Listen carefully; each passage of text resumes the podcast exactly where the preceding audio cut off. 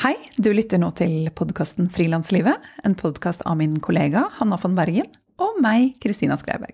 Vårt mål med denne podkasten er å være en faglig og inspirerende kanal for alle dere som jobber for seg selv i medie-, kunst- og kulturbransjen.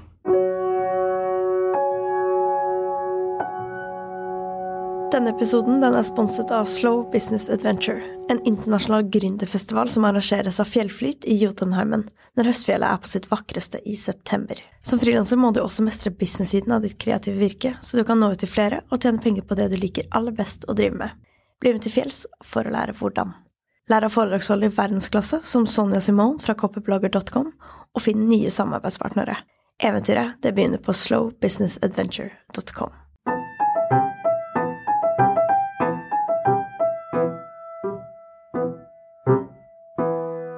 Jeg sitter nå på Spaces i Oslo og har besøk av Anne Stine Bae. Anne Stine bor i New York på åttende året, og hun jobber i skjæringspunktet mellom mat, mote og kunst. Anne Stine har jobbet som motestylist for magasiner og reklamekampanjer de siste årene, og i 2014 startet hun mat- og motemagasinet Brutal Magazine. Og hun har vært dansk mester i barista, hun elsker å surfe, og dere, hun er også min kusine, og en av de som står meg aller nærmest. Så dette intervjuet kan bli en interessant øvelse. Hei, Anne Stine. Hei, Tina.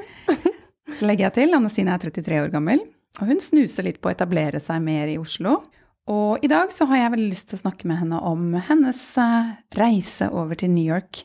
Det å etablere seg som stylist der. Det å ja, navigere seg frem og finne sin vei. Hei. Hei. Kanskje vi skal spole helt tilbake til den gangen du bestemte deg for å flytte til New York. Mm. Du bodde jo i København, og du bodde der i flere år. Og Seks så tok du valget om å flytte videre. Og Mm. ikke hjem, men ut. Eh, ja. Jeg hadde bodd i København i seks år og jobbet Eller egentlig vært der for å ta en motutdannelse em, som jeg hadde avsluttet. I de årene som, eh, som studerende hadde jeg tatt mye eh, internships, også i USA. um, som hadde liksom gitt meg en smak på hva det vil si å jobbe i New York. Etter at skolen var ferdig, så tok jeg en jobb som barista, uh, fulltid, på Kaffekollektivet som utfordret meg til å bli med i ja, dansk mesterskap, da, og vant det, det andre året. Uh, så etter da eh, jeg hadde vært med i verdensmesterskapet i Colombia i 2011, så hadde jeg, hadde jeg kommet til et punkt der jeg sto liksom med ett ben i, i ja, hver bøtte, holdt jeg på å si. En i mote og en i kaffe. Eh, og følte at jeg ikke kunne gi det jeg ville til, til ja, de enkelte prosjektene, bare fordi jeg følte at det var så mye jeg skulle eh, være god på, da. Så bestemte jeg meg for at eh, jeg måtte ta et valg, og eh, jeg satt på en strand i Santa Marta og så utover havet og tenkte ok, enten så blir du i kaffe, fordi dette er øyeblikket du skal liksom da gå for det, etter å ha vunnet dansmesterskap, og det er litt fokus, og eh, har muligheter for å kunne utvikle dette videre. Eller så velger du å fortsette med mote, men da må du flytte fra eh, København og flytte til New York, der ting virkelig kan skje, og drømmer kan bli oppfylt. Eh, og det, det bare føltes veldig riktig, så da, tre måneder etterpå, så satte jeg meg på et fly til New York. Og ja, har ikke sett meg tilbake. Det er så viktig de der stundene hvor man sitter på en strand Ja. og ser utover havet og tenker sånn Hvilken vei skal jeg gå? Veldig viktig.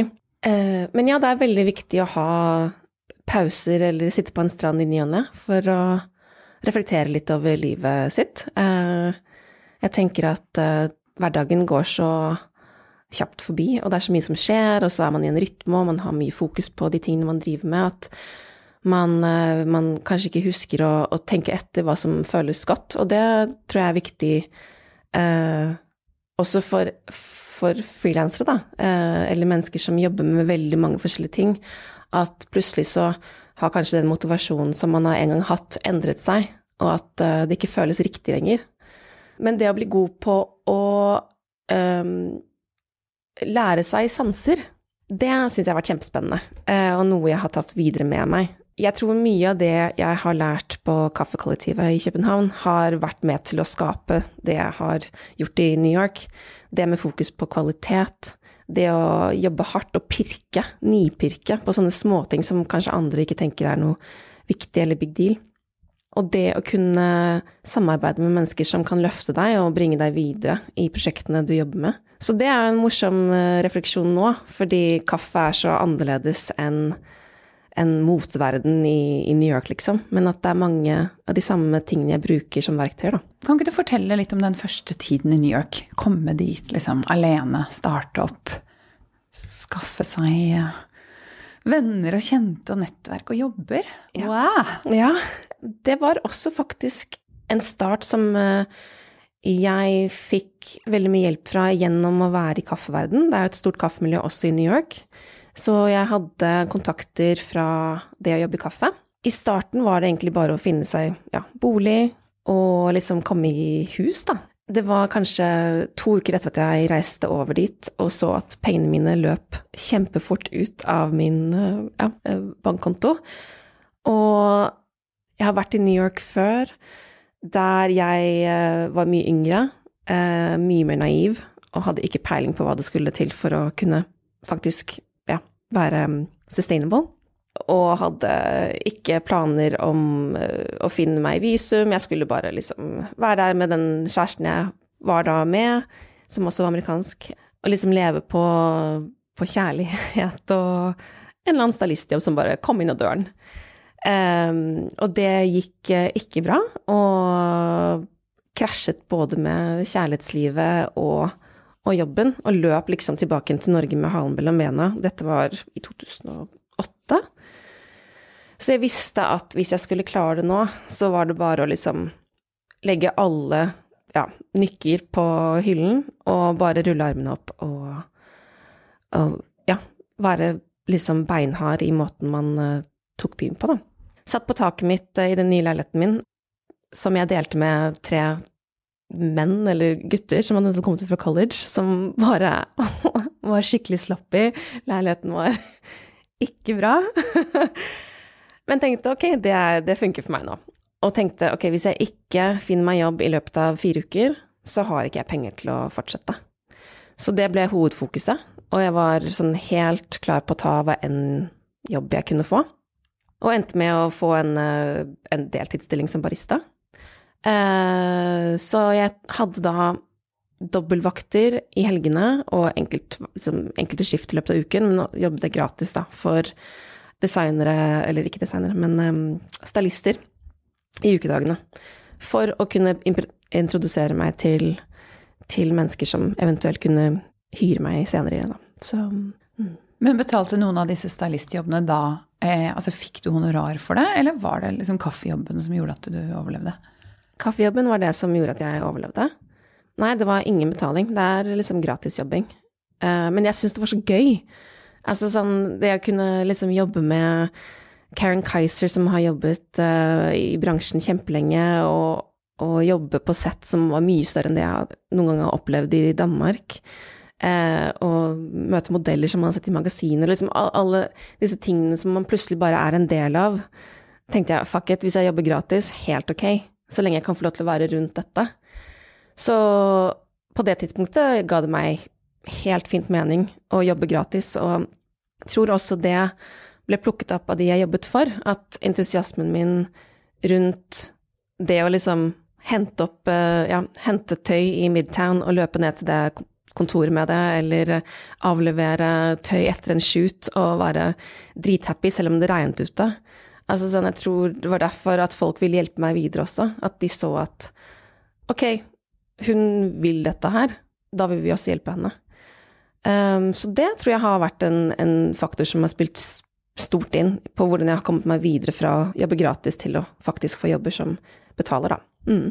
Men i forhold til profesjonell start i New York, så var jeg jo veldig fokusert på å komme meg inn på motescenen. Uh, så jeg satt jo med PC-en min hver dag og lette etter jobber eller internship som kunne tilby uh, meg det, um, eller tillate meg inn.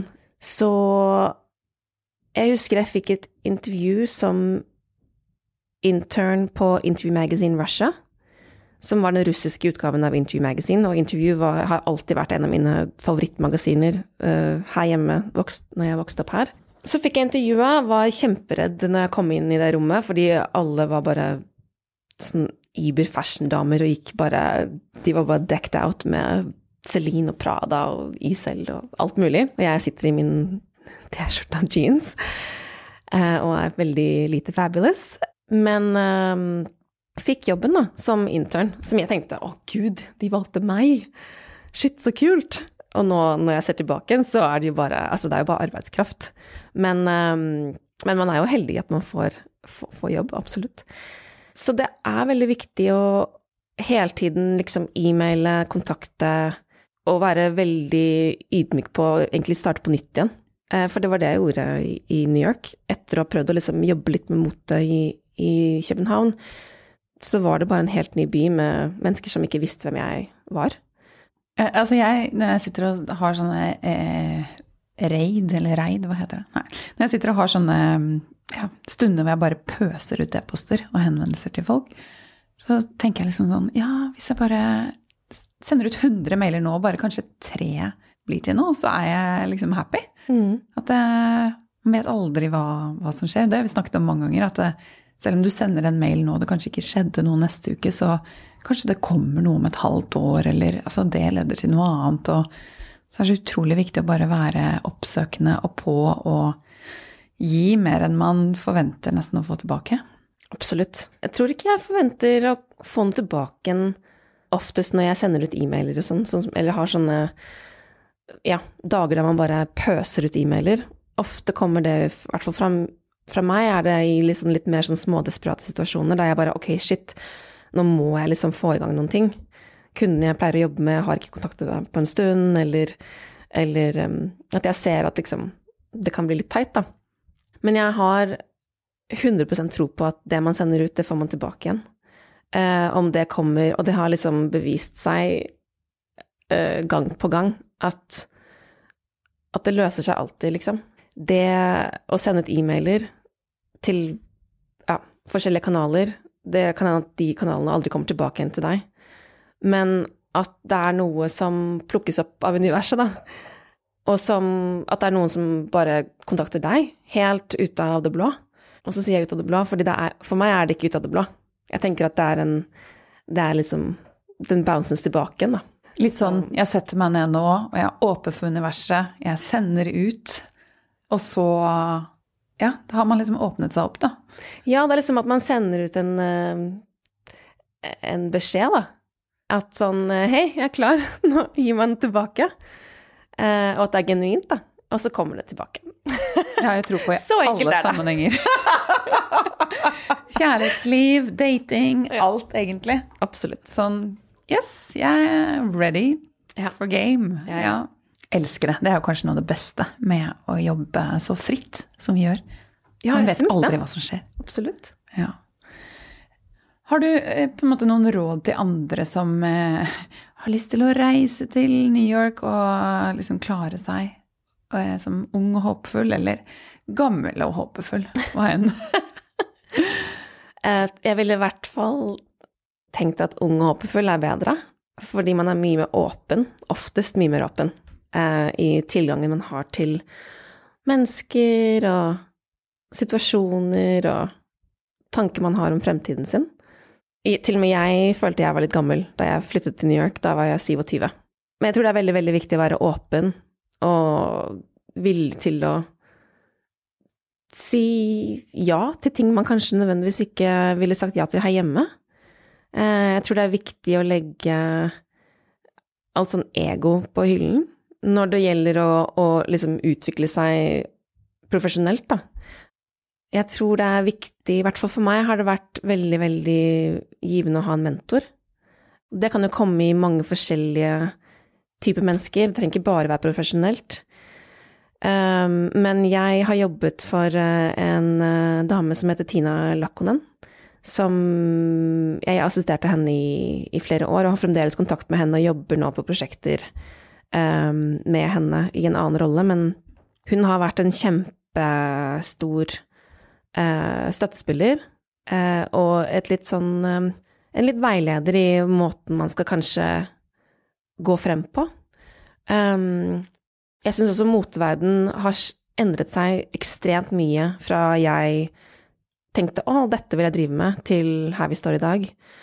Og at det har gjort at jeg setter spørsmål med hva dette Hva poenget egentlig er med det. Fordi for meg, da jeg begynte å interessere meg med mote, var det jo om uttrykket, altså det å kunne kommunisere gjennom tøy.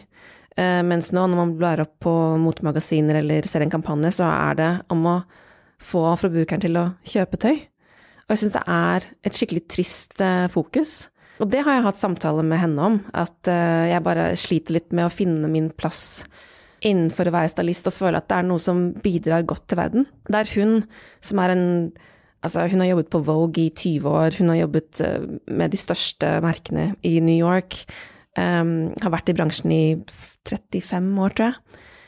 Der hun kan si til meg Men du, kanskje det er ikke bare mote som er liksom det som gjelder for tiden. Og kan åpne liksom min uh, tankegang da, på hva som det vil si å være kreativ, også innenfor mote. At det ikke trenger å være stylist, eller kan ikke, trenger ikke nødvendigvis være stylist i den klassiske forstanden. Eh, så det har vært kjempebra for meg, også i det å kunne initiere andre prosjekter som Brutal-magasinet. Mm. Kan ikke du fortelle litt om magasinet ditt? Mm. Brutal Magazine er jo et, um, en plattform som eh, ble startet i 2014, eh, da jeg hadde ganske mye dødtid og kjedet meg litt, og syntes ikke at det var så mange spennende magasiner der ute som kunne presentere de tingene jeg syntes var interessante, kunst, mat, mote, på en ny måte. Det var masse magasiner som eh, snakket masse om alle disse tingene, men, men på en sånn litt forutsigbar måte. Så jeg og min da co-founder Gianna hadde snakket om å gjøre noe med mat sammen, kanskje lage en blogg eller et eller annet sånt noe. Og så kom det bare til meg en søndag da jeg satt og leste New York Times, tror jeg, bare Men shit, det er jo magasin vi skal lage. Eh, så jeg ringte til henne kjempefort og bare hei, du, du må møte meg på kafé nå, jeg har en idé, og vi må liksom bare snakke sammen akkurat nå. Og så fast forward eh, ja, tre måneder, så hadde vi da intervjuet fire fire liksom profiler, hadde laget eh, noen fotoshoots, og skulle da ha releasefest eh, bare noen uker etterpå i Brooklyn. Det gikk fort? Ja, det gikk sykt fort. Det var tre måneder produksjon. Men det var eh, Men det er det, da. Det er liksom når det føles så naturlig, at det liksom bare strømmer ut, så føles det ikke ut som, som det er noe Det er ikke effortless, fordi det er masse arbeid som ligger bak, men at det bare kommer naturlig. At det er en eller annen sånn indre kraft som bare trer i kraft. Så, så det var liksom starten. Eh, behovet for å kunne uttrykke noe på en annen måte. Eh, jeg syns Jeg husker på det tidspunktet var jeg sånn der Kinfolk, da, som er jo et veldig flatt magasin. Men for meg skikkelig kjedelig.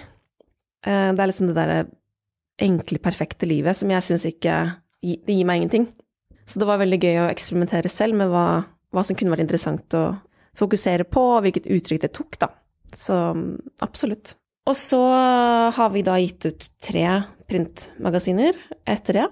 Um, eller totalt, mener jeg. Det har vært en kjempestor utvikling på magasinets kvalitet og størrelse og dybde. Og vi har hatt middager eh, og prøvd å ha collaborations med mennesker i både kunst, mote og matscenen utover bare å være et print, som har vært kjempespennende å kunne få jobbe med. Eh, og veldig, veldig kult å jobbe i en by som, eh, som er så mottagelige for at ting skal skje. Og jeg tenker at det der med å eh, ja, lage et magasin på et ekstremt lavt budsjett Alt koster jo New York. Hvis du skal ha en venue til en middag, eller hvis du skal printe, eller ja, ha en fotoshoot. Sånn, det er mye penger som skal ut, men det har vært veldig kult å se at folk er villige til å møte deg, da, um, og hjelpe deg videre hvis det er noe de syns er kult. Og kanskje også mange som er med og tenner på ideer, da. Som, altså mange kreativt utøvende som har lyst til å bidra. Absolutt. Det er, jo, det er jo det som er gøy med New York, er jo at folk kommer dit, de er sultne, de vil være med på ting, de vil skape, de vil utvikle, de vil ha en stemme, da. Så det å kunne si hei, vi har lyst til å lage dette prosjektet, eller vil du være med til magasinet øh, og, og, skape det? Det er det Ja, det er veldig mange som vil det, og det, det er det som gjør at sånne typer prosjekter kan leve, da. Mm. Men du Anne kan ikke du gi oss bare et lite, et lite innblikk i din hverdag som motestylist, eh, og hva det innebærer? Du jobber jo for magasiner og reklamekampanjer, og eh, du har jobbet eh, Du har assistert andre, du har gjort jobber selv. Ja, et lite innblikk i sånn din hverdag, og hvordan Ja, hvordan er den? Ja. ja, altså det er jo mange måter å jobbe som motestylist på. Uh, ofte får jeg spørsmål om jeg tar privatkunder, og at jeg kan gå på shopping med dem og liksom lage en garderobe for dem. Det er ikke sånn stylist jeg er. Jeg jobber mye mer med, med produksjoner av um, ja, reklame, motreklame, um, kampanjer um, og lookbooks, uh, websalg og også editorial uh, for magasiner. Som er den mest kreative delen av yrket mitt. men Mest er jeg på produksjon av uh, kampanjer for merker som uh, Ja, det kan være veldig mye rom da, i det, men for, som assistent har jeg jobbet mye for Prada, Dior, Ann Taylor, Bobby Brown, Klinikk, uh, Estée Lauder Liksom sånne typer merker som har liksom masse budsjett og har ja, stort team, og liksom det er en ganske heftig produksjon. Til mindre produksjoner som er kanskje lookbooks for, en, for et mindre merke i New York, eller en presentasjon for noen på New York Fashion Week. Eh, jeg har jobbet med utvikling av ja, moteshows, og editorial er vel mer bare et, et uttrykk eh, der man har mye mer eh, personlig retning på Eller personlig uttrykk, da, på, på det som faktisk skjer på, på sett. Og man har mye mer uh, stemme i hva som skal på modellen, hvordan det skal se ut, hvordan uttrykket blir i siste ende. Så det er en sånn balanse mellom å være kreativ, men også lytte til klientens behov og hva de ønsker, og så skape et sterkere uttrykk innenfor de rammene man har satt, da. Mm.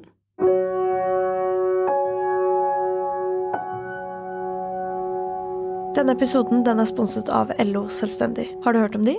Det er et tilbud til deg som er selvstendig, enten det er frivillig eller ufrivillig. For deg som er kunstner, tekniker eller frisør, eller noe helt annet. Som medlem så får du økt trygghet gjennom gode medlemsfordeler, og du er en del av et fellesskap der du har muligheten til å være med og påvirke fremtidens arbeidsliv. Den siste tiden så har jo du endret litt kurs. I hvert fall mer bevisst. For du har jo veldig lenge jobbet med både mote og kaffe, mat, ja, kunst, eventer. Men dette er liksom komponenter du har lyst til å jobbe mye mer med fremover. Kan ikke du fortelle litt om den retningen du vil gå mm. liksom videre med? Altså Ja, det er litt morsomt å se tilbake på den tiden man har uh, brukt da i karrieren sin på å liksom prøve å finne ut av hvor man vil være hen, og at um, det er jo ting som alltid har vært en del av meg, som jeg kanskje ikke har um, acknowledged på den måten det burde. Det startet med mote, så var jeg innover kaffe. Uh, jeg har uh, jobbet med creative direction og printpublisering. Jeg har laget middag, middager og vært um, kreativ den veien, og liksom mer sånn eventorientert. Og det går vel egentlig under samme paraply av det jeg vil egentlig jobbe med sånn generelt, da. At jeg tenker at hver enkelt ting blir litt for endimensjonelt for meg. Og at jeg har vært heldig nok til å kunne få lov til å jobbe med alle disse komponentene på et kjempehøyt nivå hele veien. Altså noe som har gjort at jeg har følt at jeg har fått en, um, en, en styrke, eller et, et eh, grunnlag som er solid, og at jeg kan derfra liksom leke mer med hva jeg vil, da. Og jeg tror Brutal var kanskje det første stedet jeg ser at alle disse punktene kommer sammen og kunne bli skapt til noe som er uh, ett produkt. Og så la jeg det litt på hyllen for å fokusere på stylingen igjen, for det ble litt for mye å skulle gjøre begge ting, og ja, pushe begge liksom områder. Men så har jeg også følt at sånn, ok, men hvis jeg skal bare være stylist, så er det også litt, litt for lite. Så nå har jeg gått tilbake inn til å tenke at ok, men nå vil jeg bare åpne og se hva som kommer inn, og ikke liksom prøve å definere meg gjennom å bare være én ting. Fordi det er ikke det jeg er, da. Så jeg tenker at sånn hvis, hvis jeg kan øh, jobbe med prosjekter som er kreative, men i mange forskjellige former, så er det det beste for meg. Eh, hvordan det skal liksom henge sammen fremover, eller hvordan det skal liksom struktureres Jeg føler liksom at strukturen på en måte litt er der allerede. At det er nesten som å tenke som eh, Hva skal man si? Et eh, kreativt eh, byrå som kan jobbe med kreativitet i krysningspunktet mat, mote og kunst, og være veldig customized da, i forhold til hvilket type prosjekt som kommer opp. Mm. Jeg tror jo mange som driver med forskjellige ting, eh, eh, inkludert meg selv, så kan man noen ganger ha nytte av å se på seg selv som et lite byrå. Mm. For i et byrå så har man jo forskjellige egenskaper som jobber sammen. Eh, men det kan jo også, eller har jo veldig mange mennesker også, i seg. Absolutt. Mm. Det hjelper meg faktisk veldig til å kunne liksom Ikke at det skal handle om meg, personen, men at det er Dette kan jeg tilby. Og så forhåpentligvis eh, finne mennesker som vil være en, en del av det, da. Eh, etter hvert. Så vi får se. Ja, og så er det jo litt sånn at når man velger én vei, sånn som styling, da, eh, så begynner jo jobbene å komme, og man skal jo klare seg òg. Så man Altså, det er jo vanskelig å på en måte bare dyrke liksom hvilken vei vil jeg når man får en del oppdrag, som også er fint. Absolutt. Men jeg merker selv med styling er at jeg, jeg trives veldig godt som stylist, det er ikke det. Det er bare at mange av de merkene som jeg da får jobb fra, er fokuserte på feil ting. Og det er det jeg kanskje har med. At uh, jeg har ikke lyst til å ha en karriere som bare bidrar til at folk bare kjøper mer og mer og blir mindre bevisste på hvilket avtrykk de har, da. Fordi altså, vi har ikke bruk for å kjøpe Sara hver måned fordi det kommer en ny levering. Eller vi har ikke bruk for å endre garderoben vår liksom ja, hver sesong bare fordi det er noe som uh, er forventet av deg som consumer. Uh, men Og ikke misforstå, jeg digger å liksom kjøpe tøy, det er ikke det, men, men Eller fokusere på en stil, da. Men uh, det, kan komme i, det kan komme i, fra vintage-tøy, uh, bytting, um, kjøpe ting som kan være veldig anvendelige og Men at man kan bli mer um, bevisst, da, på hva man vil med å kjøpe tøy. Hva liksom ligger bak det? Er det å bare den til skapet, eller er det for at du faktisk har bruk for det for å uttrykke deg?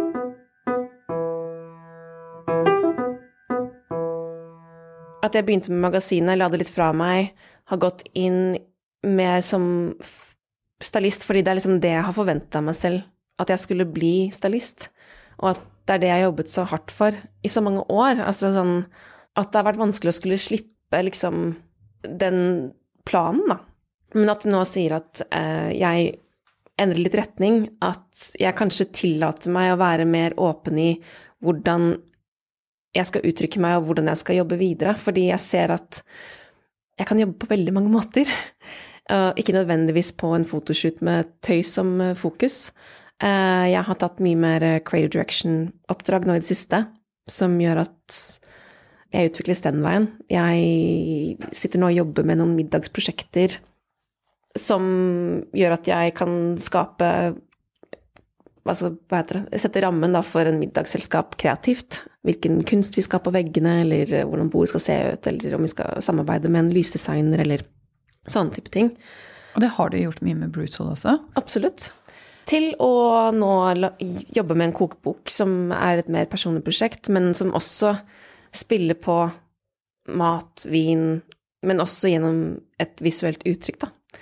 Så jeg syns at det er bare kjempespennende eh, å åpne seg litt, mer enn å være lukket og være veldig fast bestemt på dette er retningen for meg, fordi det sa jeg til meg selv da jeg var 24. Uh, ja. Og så er det jo vanskeligere å slippe noe når man har jobbet hardt for det. Det er på en måte Jo mer du har lagt inn, jo vanskeligere er det å bare la det, la det gå, da. Absolutt. Og det syns jeg Det er tatt veldig lang tid. Jeg husker uh, jeg var på et skikkelig lavpunkt i min stylistkarriere eh, for eh, ja, nesten to år siden nå. Da jeg fremdeles assisterte andre mennesker også. Og jobbet for en stylist som er et av bransjens største nå. Og tenkte at ok, jeg kan jobbe for henne fulltid og tjene liksom stødig penger, og at det kan være en utgang fra min karriere som assistent, da. Og jobbet bare Altså literally rumpa av meg. Jeg mistet så mye vekt. Jeg hadde ikke tid til venner. Jeg sov kjempedårlig. Ble, hadde masse angst til sist fordi eh, det kom alltid inn e-mailer. Jeg skulle håndtere et Paris-kontor, jeg skulle være i LA, jeg skulle liksom uh, håndtere avlevering av tøy i New York mens jeg var i Europa. Altså, jeg var på Jeg reiste i Europa to ganger på en uke da jeg håndterte fire prosjekter løpende. Altså sånn, det er sånn helt sånn derre crazy. Der jeg stoppet opp og var bare sånn det, det her kan jeg ikke gjøre. Dette her er Ingen jobb er verdt dette her. Og avsluttet jobben etter, etter hva, syv uker, tror jeg. Og det skremte meg så mye, fordi jeg vil alltid gjøre en bra jobb for de jeg jobber for, men at jeg så at det bare gikk på liksom helsen løs. Eh, så jeg stoppet litt opp og tenkte ok, hva er det egentlig verdt eh, for meg å være i en bransje som er så beinhard? Og tok liksom noen runder med det. På det tidspunktet da jeg liksom satt Etter å ha vært ferdig med henne Jeg satt liksom på en benk i seks uker eh, i parken ved siden av der jeg bor, og bare måtte liksom summe meg. jeg var så slått ut, og, og tenker at sånn men jeg, men jeg, skulle jo være i denne bransjen, det var jo det jeg hadde sagt til meg selv. Uh, og jeg, jeg, skulle jo være ok med å jobbe så hardt og være villig til å gå så langt, fordi det er jo det man gjør. Og hvis jeg hadde vært yngre, tror jeg jeg hadde vært mye mer villig til å bare Ja, sånn er det bare. Og jeg har vært i situasjoner der jeg har vært dørsliten før, men at jeg også har tenkt at ja, men det går, det går greit, liksom. Det er, det er verdt slitet. Uh, men at jeg har kanskje um, ja, tenkt at hvis jeg skal være i en bransje på dette nivået, så vil jeg måtte gi avkall på veldig mange andre ting i livet mitt. Ja, privatliv, og det ser man jo også med veldig mange av de i bransjen som jobber på et såpass høyt nivå, at det er kjempevanskelig for dem å kunne ha et liv ved siden av.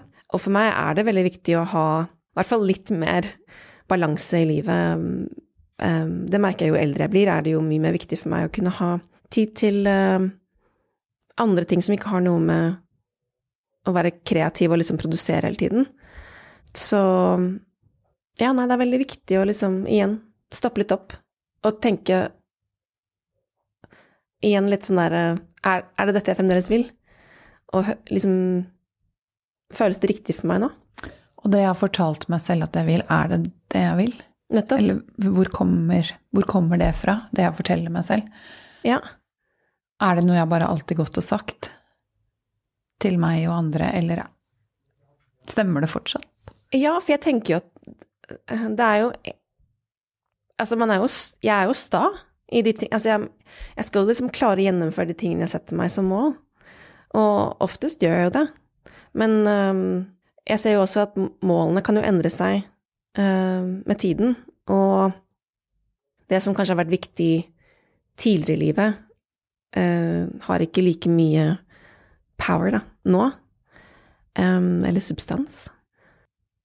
Og at jeg tror at i hvert fall innenfor det yrket jeg driver med, at hvis det ikke er genuint, så kommer du aldri til å klare deg bra uansett. Og jeg merker jo hver gang jeg jobber med et prosjekt som er, kommer fra et godt sted i meg, at det bare blomstrer og tar bare fart uten den derre 'Å, hvordan skal det gå? Hvordan skal jeg klare det? Hvordan skal jeg liksom finne dette ut? Hvem skal hjelpe meg? Hvordan skal jeg få penger?' Liksom sånn, Det bare kommer mer naturlig, da. Og det er masse kraft der, men det er en, sånn, det er en god kraft, da. Mm. Hvor det bare plutselig løper av seg selv, og det gjør jo ikke det. Men du er bare med, Ja, og blir revet med. absolutt. Og det er vel sånne type prosjekter jeg ønsker å fokusere på, og det er derfor jeg prøver å være for tiden litt mer åpen i hva det prosjektet kommer til å være, eller hvilken sånn aveny jeg tar, da. Så det syns jeg bare er kjempespennende. Ja, jeg tenker at eh, å være kanskje i hvert fall frilanser eller et skapende menneske, så er man jo hele tiden, eller alltid som mennesker, i endring. Men der er det jo du, eller vi selv, da, som på en måte preger hva vi jobber med. Så man må på en måte henge med på den endringen. Og være veldig ærlig med seg selv om hva vil jeg i livet mitt? Og Absolutt. funker dette? Og er Ja, jeg vil gå denne veien. Mm. Og tørre å kanskje prøve helt nye ting, om det er det man skal. Ja. Og altså Jeg har jo ikke Å si nei til det man før ville si ja til. Ja. Men jeg tror også det er um, For meg lever jeg et liv som um, Hva skal man si? Jeg definerer jo ikke livet mitt i sånne blokker som sånn Dette er jobben min, og dette er liksom fritiden min eller hobbyen min. Alt liksom flyter mye mer sammen, og at det er derfor jeg føler også det er veldig viktig å være mye mer på nett med, med hvor man er hen hele tiden. Og også fordi man har et ansvar som frilanser, at man skal, man skal jo få jobb inn. Eh, og hvis det da stagnerer, eller hvis det ikke føles riktig, så er det, tror jeg, også et problem eh, for hva som faktisk kommer inn av prosjekter. Så. Men det er en veldig fin måte å jobbe på, syns jeg, sånn, også med bare hvordan man personlig utvikles av det. Fordi man har jo også veldig mange parallelle samtaler om hvor man er i livet, og hva man vil på et helt annet plan også. Så det, det syns jeg bare er bonus. Ja. Enig. Jeg føler det kan bli et veldig sånn Et veldig ikke bare ærlig yrkesliv, men et ærlig liv. Mm, Potensielt. Hvis man lytter absolutt. og setter seg ned og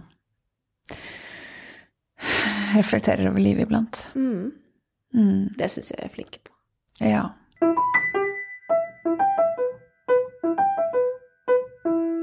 Hvordan er jobbflyten din? Den er ikke ensformig, i hvert fall. Eh, det Ofte for meg er det sånn at eh, jeg jobber intenst i perioder, og så må jeg roe ned. Uh, at det er liksom masse som kommer ut, altså kreativt. Det skjer ofte når jeg har det veldig, veldig bra, at det bare blomstrer med ideer, og jeg skriver masse og får veldig mye ut, da. Som gjør at jeg kan jobbe mer uh, saklig med, med tingene når uh, jeg ikke har så mye boost, men at jeg allerede har liksom materialet liggende. At jeg kan bare da gå litt mer metodisk til verks. Men jeg tenker at sånn, det, det er litt sånn Jeg jobber og er i livet, er jo litt sånn push, og så ro ned. Eller at man tenker at uh, man, man vokser, og så kommer man på et nivå for å stabilisere, og så kan, kan man vokse igjen, og så må man stabilisere. For det er ikke alltid sånn at jeg kan bare sitte og komme på ideer hele tiden og bare føle at alt bare flower og alt er superbra. Um, det er mange perioder jeg også bare åh, nå har jeg ingenting å komme med, og at fokuset er egentlig å bare trene, spise godt, være med venner, ha rammene eh, som, som gjør at jeg føler meg eh, ivaretatt og, og liksom litt sane, da. Eh, og at det ikke bare kan være sånn hardkjør hele tiden. Det, det tror jeg også liksom sånn skjer ofte etter perioder med, med mye, mye utvikling. Ikke bare sånn en uke eller to, men sånn et halvår. Men, men det har skjedd mye utvikling. Da har jeg kanskje bruk for et halvår med, med bare sånn ba, Hva skal man si, hva heter det, stabilisere det igjen. Så det ser jeg jo mye når jeg ser tilbake nå på ting som jeg har fått til, at det har også da vært en periode etterpå der jeg har bruk for å bare gjøre minimalt med sånne kreative ting, for å summe meg og kunne få styrken tilbake litt, for det er litt Det er veldig, ja, um, hva heter det, drenende å skulle hele tiden jobbe fra uh, sitt eget hode, på en måte. Og man kan jo lett forvente av seg selv at man skal det. At det bare skal være altså, ja, kjør, kjør, kjør. Og det er så viktig å huske på de der eh, ja, pausene, da, eller rommene innimellom, og stabilisere. Så fint. Mm. Og jeg tror for meg Dette har jeg jo liksom lært meg etter mange fails. eh, da jeg har uh, pushet meg altfor langt og liksom måtte nesten ligge i sengen i fire dager bare, og bare tenkt hæ, hva skjedde nå, hvorfor, hvorfor er jeg så sliten? Eh, da jeg ser at jeg må kunne roe litt ned på trykket jeg har når jeg jobber, og heller ikke føle dårlig samvittighet når jeg ikke jobber og liksom vite at de tingene jeg gjør utover jobbing, gir meg like mye til den jobben jeg skal gjøre.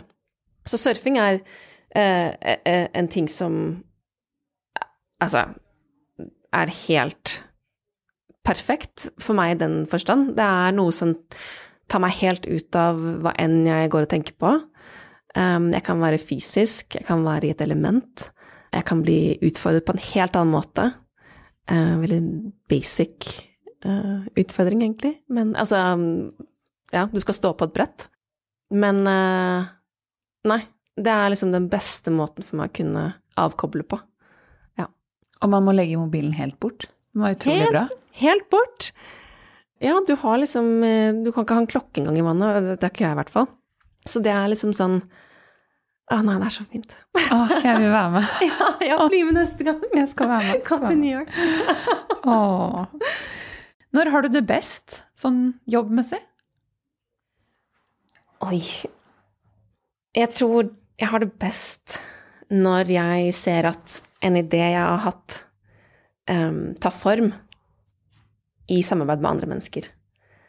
Det er skikkelig juicy å se at liksom en eller annen visjon du har hatt, eller et prosjekt du har hatt i tankene veldig lenge, som kommer på plass, og at det, at det, formes, da. Og at mennesker er med på å liksom skape dette med deg. Det syns jeg er kjempe, kjempekult. Um, så det tror jeg er liksom det beste. Uh, det er liksom der uh, alt liksom forhøynes litt. Mm. Har du hatt noen sånne ville episoder i New York? Noen helt sprø out of this world-episoder? På jobben? Eh, ja, ja, jeg har vel hatt har hatt noen, altså. Det var det, lenge siden nå, men 2013 tror jeg det var. Jeg hadde sagt ja til en sånn eh, last minute-jobb for å hjelpe et team som jobbet for NBC. Eh, det var De skulle skyte mm, et segment til deres eh, sånn nyttårsprogram, da. Og Mariah Carey skulle synge på scenen. Så jeg takket ja, liksom ja, jeg kan selvfølgelig hjelpe til med, med garderoben og liksom ja, make sure Altså alt var uh, på stell for henne når hun kom. Eh, så jeg hoppet opp dit. Eh, du vet, rollen min generelt er jo veldig sånn low-key, og skal ikke bli sett eller hørt. Um, jeg er bare der for å liksom streamline hele prosessen for um, prosjektet. Så jeg stimet litt tøy og liksom gjorde alt uh, superfint. Og så Og liksom um, NBC rigger opp med sitt kjempesvære crew. Uh, det er masse tilskuere uh, som skal liksom være plass da, for å oppta dette segmentet, som står ute i kulden og liksom hutrer og bare dette var på et tak med Empire State bak, som da liksom skulle være backdropet til Mariah. Så liksom teamet rigger opp Uh, og så kommer det en produsent og sier du, har du liksom 15 minutter? Og jeg bare Jeg hadde, jeg hadde ingenting å gjøre akkurat da. Så jeg bare ja, jeg, ja, jeg, kan, jeg har 15 minutter, jeg. Han bare ja, kan ikke du bare bli med meg, jeg trenger bare en liten stand-in. Så jeg bare ok, cool, det er helt fint. Og blir dratt opp på taket. Og har fremdeles ikke peiling på hva jeg skal, men jeg har dratt opp på scenen og liksom plassert foran en mikrofon. Eh, og plutselig så bare går musikken i gang. eh, og liksom kameraene begynner å liksom kretse rundt meg. og bakgrunnsdanserne kommer løpende opp på scenen og liksom begynner å danse, da. Og man hører liksom Mariah Carey sånn voiceover spille. Så jeg plutselig innser jeg at jeg er liksom Mariah Careys um, stand-in, og at de skulle ha en test på hele segmentet. Og jeg fikk beskjed på no, no, you can just, just stand there, you'll be fine, don't worry. Mens danserne liksom rundt meg liksom tar jazz hands på magen min og over hodet. og kameraet som bare kommer inn og ut av ansiktet mitt. Og jeg bare står og tenker at bare Hæ? What the fuck? Nå står jeg på en takterrasse i Manhattan, og dette skjer med, med lille meg. Så, Så det, det, var eh, en eh, morsom opplevelse. Men eh, ja, jeg har ikke følt meg så liten. Ever.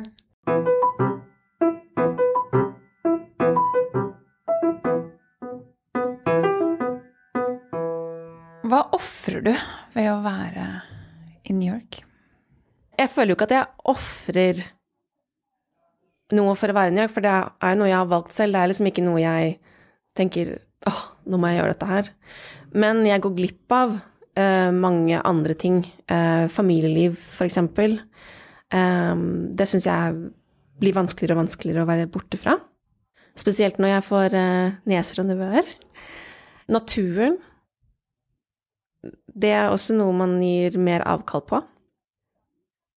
Uh, hvis man skal snakke litt mer om sånn ofring ved å jobbe som selvstendig, så er det jo trygge rammer. Økonomi, mm, ro i livet, muligheten for å kanskje planlegge bedre. Jeg føler jeg er relativt flink til å liksom holde roen i det. Um, og har kanskje bruk for trygghet på andre måter enn en det hele tiden. Men uh, ja, absolutt økonomisk um, frihet er vel det største offeret. Og hva er det beste med å være i New York, og med å jobbe for seg selv? Mm. Det beste med New York er at man kan Man kan jo være akkurat den man er. Samfunnet er så bredt, og man finner alt og alle der. Så det er en veldig frigjørende by å bo i.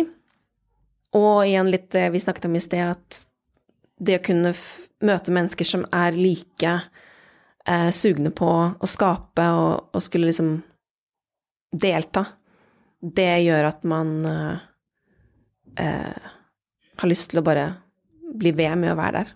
For man føler jo at de drømmene man har, kan bli oppfylt der, og at man ja, møter likesinnede.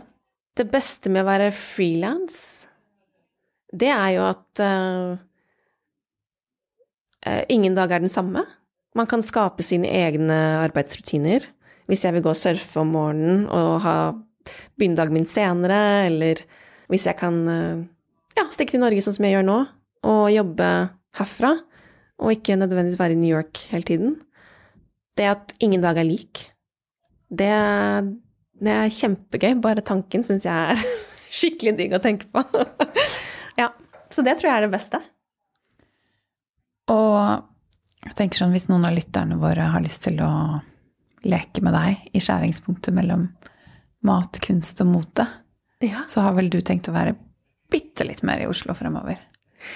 Ja, jeg har veldig lyst til å utvide liksom lekeplassen litt. Syns det er mye spennende som skjer her hjemme også, eh, i Skandinavia. Og tenker at det kan være interessant å flytte litt fokus hjemover også. Absolutt. Eh, for meg prøver jeg liksom bare å være litt mer eh, Hva skal man si fluid i hvor jeg er hen i verden. Eh, så om det er et prosjekt her hjemme eller i New York eller et helt annet sted, så ja, er jeg veldig åpen. Mm. Takk, Hanne Stine. Takk, Tine. Du, hvis du har innspill til eh, innholdet i denne podkasten, så tar vi det veldig gjerne imot. Ris og ros, hva enn det skulle være. Eller helt sånn konstruktive tilbakemeldinger om hva du har lyst til å høre på av temaer. Da er det bare å gå inn på frilanslivet.no og sende oss eh, info i det der kontaktskjemaet som er der. Vi blir bare veldig glad for å høre fra deg.